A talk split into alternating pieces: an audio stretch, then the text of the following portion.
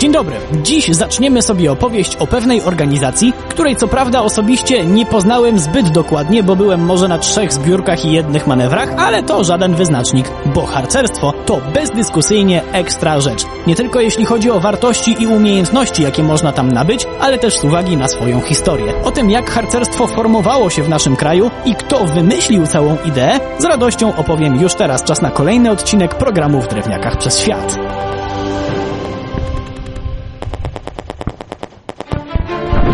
Przeniesiemy się na nasze ziemię, to musimy poznać gościa, od którego się to wszystko zaczęło. Brytyjczyka, generała Roberta Baden-Powella. Wymyślił harcerstwo, czy jak to nazwał scouting, w dość nieprzyjemnych okolicznościach, a mianowicie podczas oblężenia afrykańskiego Mafekingu. Miał niewielu żołnierzy pod dowództwem, więc potrzebne mu oddziały zwiadowców czy łączników zorganizował z młodych chłopców. To jednak nie koniec praktycznych inspiracji, bo strukturę drużyn, jaka do dzisiaj w harcerstwie obowiązuje, podpatrzył u wielodzietnych rodzin, gdzie starsze rodzeństwo opiekowało się młodszymi. Pierwsze drużyny na pierwszym w historii obozie skautów w 1907 roku liczyły po sześciu młodych i jednego starszego opiekuna. To jednak nie był obóz wypoczynkowy. Pan Powell miał to wszystko dobrze przemyślane. Młodzi ludzie mieli nie tylko aktywnie spędzać czas na łonie przyrody, ale też mniej lub bardziej świadomie przyswajać pewne wartości dzięki specjalnym zabawom i grom. Wspaniała rzecz. Jednak nie wiadomo, kiedy scouting trafiłby na nasze ziemię, gdyby nie pewna kara. Czas przenieść się na nasze ziemię.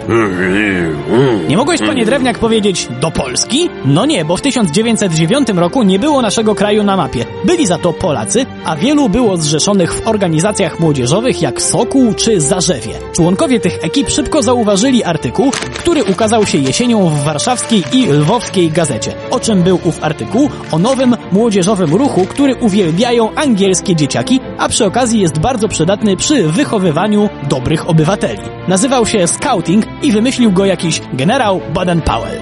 Szybko udało się dotrzeć do całej jego książki Scouting for Boys, ale żeby mogła trafić do maksymalnej grupy ludzi, no to ktoś ją musiał przetłumaczyć. Zrobił to Andrzej Małkowski. Z radością? Nie, za karę.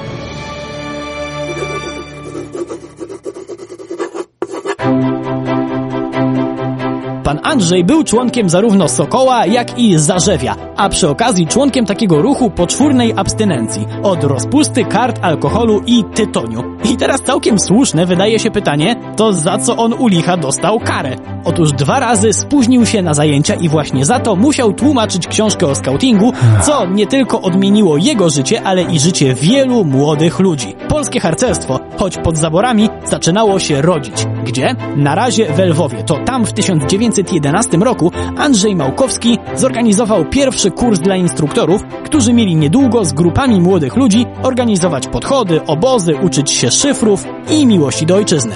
Maszyna ruszyła szybko i już w maju powstały pierwsze drużyny polskich skautów, konkretnie trzy, dwie męskie i jedna damska. To tak, żeby było jasne, że dziewczyny tworzyły ten ruch od samego praktycznie początku. Nowy ruch miał też swoją gazetę o może i mało kreatywnym tytule Scout, za to o bardzo fajnych treściach.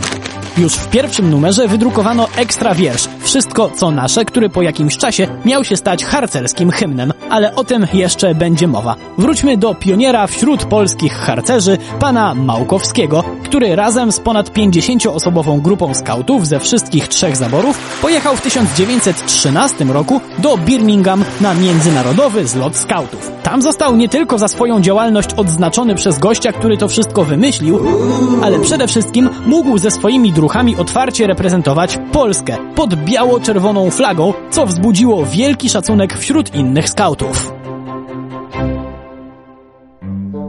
Czy w pierwszych latach istnienia polskiego skautingu wszyscy byli ze sobą zgodni? Absolutnie nie, tym bardziej, że to strasznie, proszę wybaczyć kolokwializm, zażarło. I w 1914 roku polskich skautów było już jakieś 15 tysięcy. W tak wielkiej grupie spory musiały powstać, jednak udawało się zawsze dojść do kompromisu. A od lata tegoż roku nie było już w sumie czasu na spory, bo wybuchła gigantyczna wojna. Pierwsza wojna światowa.